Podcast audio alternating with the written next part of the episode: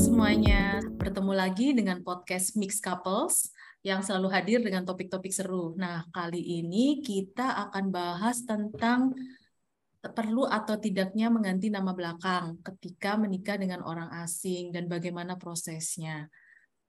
Jadi, eh, kenapa lu nggak ganti nama ya? Kenapa lu nggak kepikiran untuk nambahin nama suami lu di belakang nama Yani Lawi? Atau misalnya Yani Yani titik-titik gitu ya atau Yani Lawi siapa gitu. Kenapa ya? Aduh, ya kalian tahu lah ya, nama belakang Shannon kan Smith. Tahu sendiri ya, Smith itu ada berapa puluh juta gitu. Uh, apa pria bukan pria tapi juga orang Kaukasia yang punya nama belakang Smith. Bahkan uh, sesama Smith itu belum tentu saudara gitu kayaknya nama belakang gue lebih unik gitu. Karena nama belakang gue Lawe itu pasti siapa pun yang punya nama belakang itu pasti kita saudara. Karena kita lebih sedikit lebih kecil dibandingin Smith. Pasti satu klan ya. Iya jadi gue merasa nama gue lebih unik. Uh, tapi sebenarnya bukan bukan itu juga sih alasan. Emang gue nggak kepikiran dari sebelum nikah juga nggak kepikiran untuk ganti nama. Karena hmm. gue merasa ya udah uh, gue terlahir dengan nama ini dan sampai menikah juga dengan nama ini, jadi nggak kepikiran untuk ganti nama. Uh, dan mungkin alasan utamanya adalah gue tidak uh, menemukan sampai saat ini kebutuhan urgent untuk ganti nama gitu. Jadi nggak ada hmm. alasan-alasan yang membuat gue harus ganti nama karena belum merasa butuh gitu, belum merasa urgent. Jadi hmm. belum tentu ya siapa tahu nih berapa ini lagi tahun depan mungkin jadi gue jadi Janis Smith juga mungkin kan. Bisa aja. Tapi nggak ada ini, ini uh, si Shannon juga nggak nanya Kenapa lu nggak enggak, mau oh, enggak, dia juga ini, gitu? Oh enggak ya? Iya, jadi dia juga memberikan kebebasan sama gua dan dia juga setuju. Iya iya nama Smith mah oh, banyak banget ya udah. Terus jadi Macam kayak nama Mira ya. Ya, ya kayaknya di zamannya puluh ratusan orang menggunakan nama Mira ya. Banget banget. Jadi gitu okay, deh dia juga nggak nggak ada tuntutan. Iya iya. Kalau lu gimana Mir? Kenapa lu akhirnya menyisipkan nama Rich di belakang nama lu. Terus Dan kenapa lu nggak me, nggak membuang nama Royadi? Maksud gua apakah ini karena nasionalisme atau karena kebutuhan di Jerman itu memang harus begitu atau gimana Mir? Enggak, karena gengsi sih kalau gua. gue tuh tapi dan suami aku juga udah tahu ya dari awal ya. Maksudnya gini. Jadi ketika jadi di Jerman itu kan segala sesuatu kalau sudah menikah itu jadi gini mungkin konstruk menikah itu di Jerman tuh jadi sebetulnya orang menikah atau tidak menikah kan boleh ya tinggal bersama. Tapi menikah itu adalah sebuah akta perjanjian. Jadi harus jelas itu kan ya satu. Nah kalau di Indonesia kan kayak misalnya ibu aku langsung dibilang ibu Rodi gitu ya. Hanya sosial aja hmm. tapi tidak ada makna hukum gitu. Nah sementara di Jerman ini kan sangat rigid soal itu. Jadi ketika kita ngobrol, opsinya apa aja nih gitu ya. Opsinya uh, supaya kita dalam hukum istilahnya gampang diidentifikasi lah. Masih ingat kan ya siap, uh, siapa sih yang misalnya yang dulu tuh sempat di episode kita cerita dia nama belakangnya beda sama suami susah deh di mana di airport gitu ya. Jadi kita sempat bicara panjang tentang itu. Akhirnya oke okay, opsinya apa? Opsinya adalah either aku ganti nama belakangnya dia gitu ya. Atau dia yang ganti pakai nama belakang aku bisa di Jerman ya suami ngambil nama istri tapi dia nggak mau dong gitu ya. Nah, aku juga nggak mau. Jadi akhirnya ternyata di Jerman itu solusinya adalah bagi mereka yang seperti itu itu ya udah disatuin aja nama belakangnya gitu ya. Tanpa me, hmm. tanpa membuang nama asli. Tapi harus ada tulisan minus. Jadi minus jadi aku nggak bisa nulisnya tanpa minus di Jerman. Jadi tulisannya harus Maksudnya Mira. minus gimana sih? Jadi Mira Rohyadi strip Ritz iya, gitu maksudnya? Iya, jadi oh. si minus itu tuh resmi harus ada di situ. Karena kalau enggak, namaku tuh jadi Ritz aja. Jadi si Rohyadinya jadi nama tengah. Karena aku nggak mau, jadi pakailah minus itu. Dan di paspor juga ada minusnya. Di ID card juga ada minusnya. Di sertifikat, maksudnya kontrak kerja segala macam ada minusnya. Gitu. Jadi Mira Rohyadi minus strip itu Ritz. Itu resminya itu gitu. gitu. Tapi cuma di Jerman kan? Tapi cuma di iya, Jerman. Iya. Enggak cara di Indonesia namanya masih Mira Rohyadi karena lu nggak mendaftarkan apa pun kan Betul. secara legal kan masih tetap tercantum sebagai Mira Rohyadi gitu kan benar, ya. Benar. Benar. Nah, terus kemudian kita juga punya bintang tamu, bintang tamu. Kita punya tamu nih, uh, namanya Risha. Langsung aja kali ya kita sebutin namanya. Risha ini mengganti nama belakang. Jadi uh, ada nama suami yang di uh, yang ditaruh di belakang gitu ya. Namanya kan Risha. Jadi sekarang namanya Risha Faiza Alan. Itu kah apakah di Indonesia aja atau juga di negara asal suami Australia atau gimana tuh? Dan yeah. Iya. uh, kenapa alasannya memilih gan um, uh, apa sih namanya memasukkan nama belakang suami? Oke, okay. kalau ditanya alasannya adalah gini. Kalau seandainya waktu itu kan belum punya anak ya. Kalau belum punya anak mungkin ya udahlah nggak apa-apa, nggak nggak apa namanya nggak ada last name juga itu oke. Okay. Tapi pada saat planning punya anak dan at that time juga lagi hamil, jadi mikir, oh kenapa nggak seragaman aja ya? Jadi kalau pada saat uh, kita lihat akte, kita lihat kakak, itu kan semuanya rapi ya, ada alan-alan semua. Alasannya satu biar data kita rapi yang kedua, uh, tadi juga ada mention ya di airport. Apalagi my gap sama suami itu kan jauh banget ya. Jadi kalau seandainya namaku bukan Alan, langsung mereka kan akan berpikiran ini siapa sih, ya kan? Nah itu kedua itu yang uh, alasan kuat aku juga. Mungkin pada saat mereka lihat oh ya ini bisa Alan juga ya. Gitu. Lalu alasan yang kuat adalah apa ya? Menurut aku ya, aku orangnya suka rapi gitu ya sampai ke data-data juga harus rapi. Jadi uh, kalau seandainya ada satu nama kayak Faiza Rehalat doang ini siapa? Jadi nggak nggak make sense gitu dari satu keluarga ya kan. Terus alasannya juga yang tadi saya udah mention bahwa uh, Faiza Rehalat Rehalat itu justru bukan dari nama ayah, tapi dari nama ibu. Jadi memang udah ada masalah name dari keluargaku sendiri yang memang mengencourage aku buat ganti ya udah deh sekalian aja diganti karena pada ujungnya nanti juga secara culture juga ini nggak bisa sebenarnya loh rehalat masa udah ambil dari marga mama ya udah sekalian aja gitu. Oke, jadi nama belakangnya tadinya Rehalat, tapi itu pun nama nama dari keluarga ibu ya, marga ibu. Iya. Terus jadi ke nama belakang suami adalah Alan. Oke. Iya. Nah itu tapi resmi di Indonesia dan Australia di kedua negara jadi uh, identitasnya. Secara Australian rule aku belum uh, bisa dikatakan sebagai Risha Alan, Risha Faiza Alan. Tapi kalau di Indonesia secara hukum aku udah resmi Risha Faiza Alan. Kalau kalau aku di Jerman langsung aja gitu. Sebenarnya dulu tuh prosesnya hmm. setelah menikah, jadi aku nikah di Indonesia, begitu didaftarkan di sini. Pas sudah didaftarkan langsung mereka nanyakan opsinya. Ini apa yang akan terjadi dengan nama belakang si Ece Mira ini gitu ya si petugasnya nanya. Terus akhirnya ya udah terus dari situ kita eh, di petugas apa ya di kantor kecamatannya gitu terus kita bilang kita mau mendaftarkan secara resmi namanya bahwa ada si minus-minusnya ini ya gitu. Jadi ya semua hmm. sertifikat dibawa segala macam udah deh gitu Gitu Dokumen aja apa aja sih yang dibutuhin Mir kalau di Jerman? Dokumen uh, yang pasti ya paspor, terus izin tinggal, uh, sertifikat nikah ya. Sertifikat nikah yang di Indonesia yang sudah diterjemahkan oleh penerjemah tersumpah di Jerman, hmm. terus juga hmm. sertifikat pengakuan yang di Jerman gitu ya.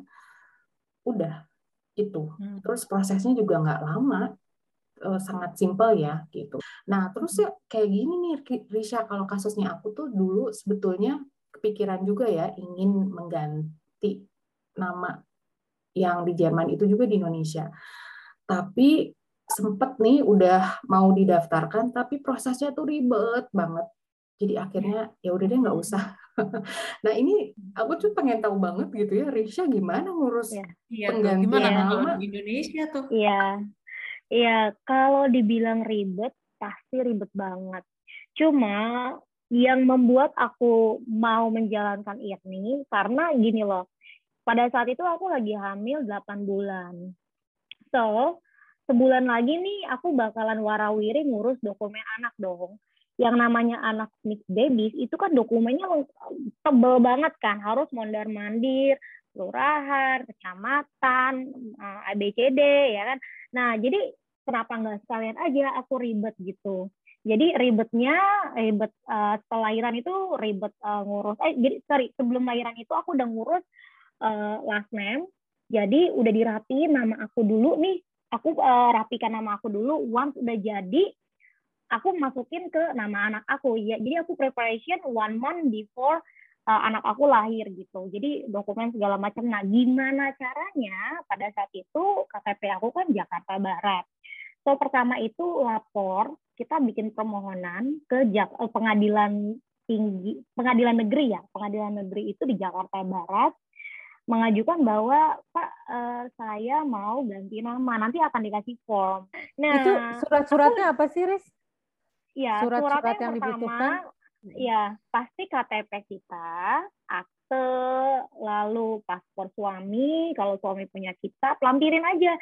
Bahkan aku data yang gak diminta itu aku bawa. Jadi pada saat aku kayak mau apply visa aja gitu ya banyak banget dokumen. Jadi aku bawa dokumen tuh banyak, taruh di tas aku yang gede banget. Jadi eh, super lengkap banget dari aktenya aku, aktenya suami, paspornya suami, eh, kitab, bla bla bla semua itu dibawa ke eh, pengadilan, terus dilampirin fotokopiannya, segala macam udah selesai, mereka akan terima dokumennya, ditanya alasannya Alasannya pada saat itu aku bilang karena sudah menikah dan sudah diizinkan oleh suami untuk memakai uh, last name-nya, jadi saya mau memakai last name suami atas dasar izin dari suami juga gitu.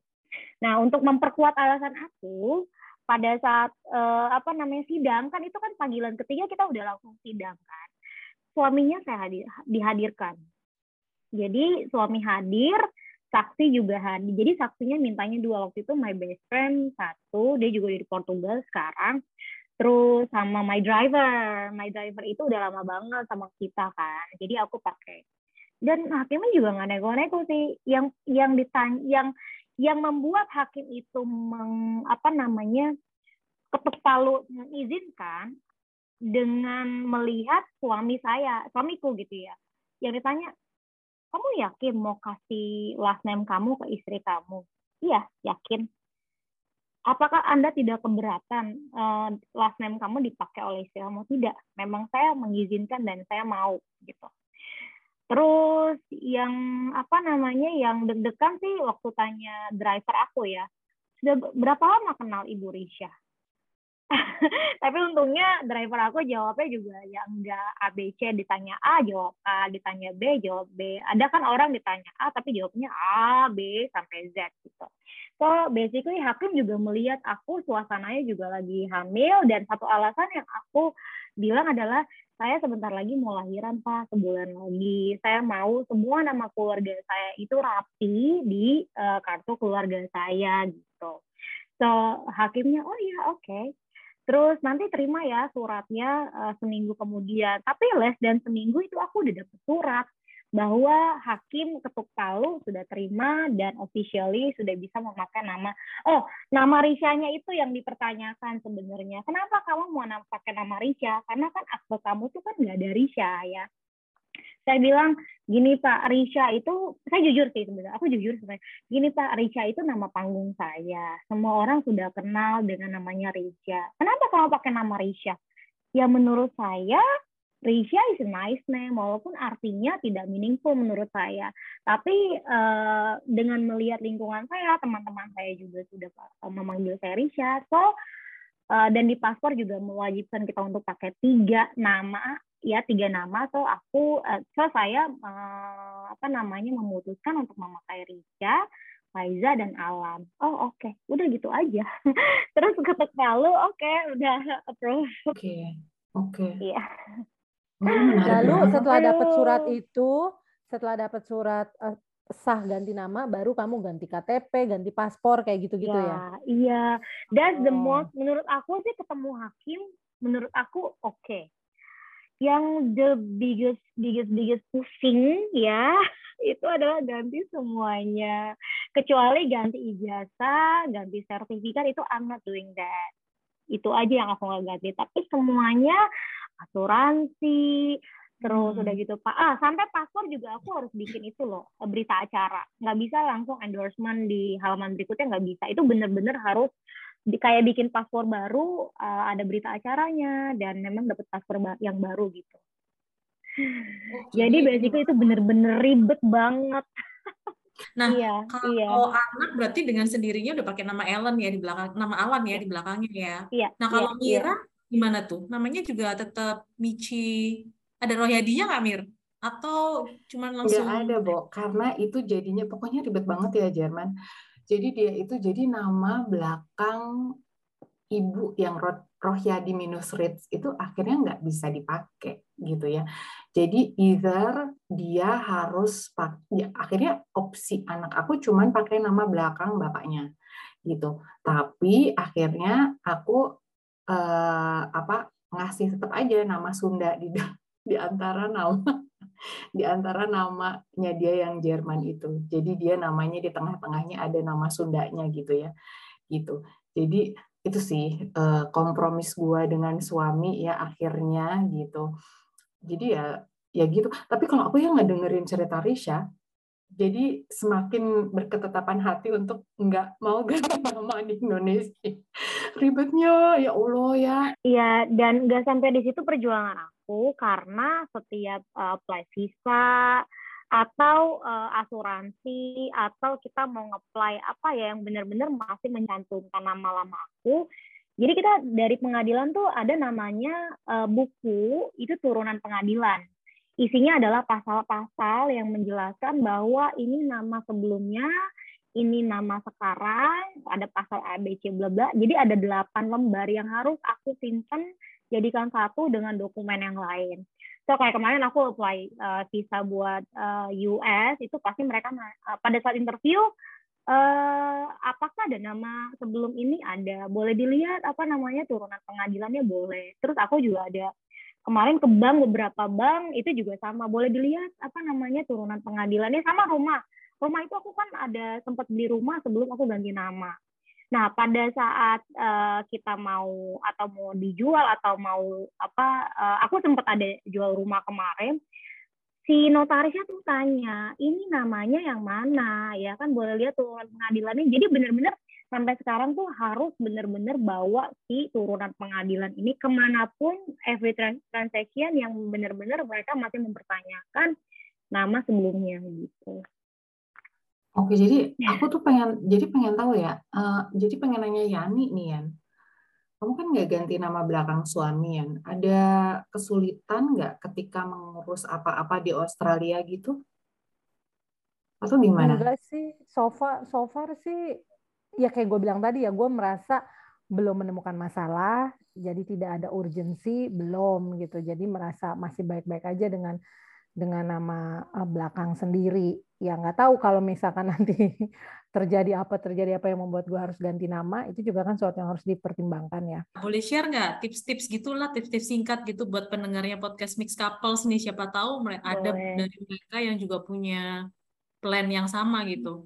Nah, ya, mungkin Risa ya. bisa share nih. Ya, tipsnya adalah kalau ya ya satu uh, pastikan dulu kalau mereka itu memang mau stay di Indonesia karena kalau di luar mungkin beda lagi ya. I have no experience with that. Terus yang kedua, pastikan lagi suaminya bisa hadir pada saat sidang. Itu kuat banget. Hakim nggak bisa yang namanya apa hmm. namanya tidak menyetujui itu nggak bisa. Dan yang ketiga adalah pastikan lagi siap mental untuk merubah semuanya. Karena ini bukan one step karena banyak step setelah itu. Tapi hmm. once everything done, itu rapi banget di dokumen kita kayak everything is paid off gitu loh. Oke, okay, Risha, thank you banget ceritanya. Aduh, ini jadinya untuk para pendengar mix couple silahkan uh, kalau punya pertimbangan masing-masing mau ganti nama boleh, nggak ganti nama juga boleh, atau ganti namanya setengah-setengah kayak Mira Royadi silahkan gitu ya. Uh, dan demikian berarti uh, selesai episode kali ini untuk yang ingin uh, punya ide mau bahas apa sih kita untuk episode berikutnya silakan ya kirimkan email ke mixcouples.id at gmail.com atau bisa DM kita di Instagram at mixcouples.id. Oke, Risha, thank you banget ya untuk ngobrol-ngobrolnya. Yeah. Thank you, Riz. Iya. Iya. Tapi ya kalau ada kata-kata dan kalau ada information. Thank you. Thank you. Oke.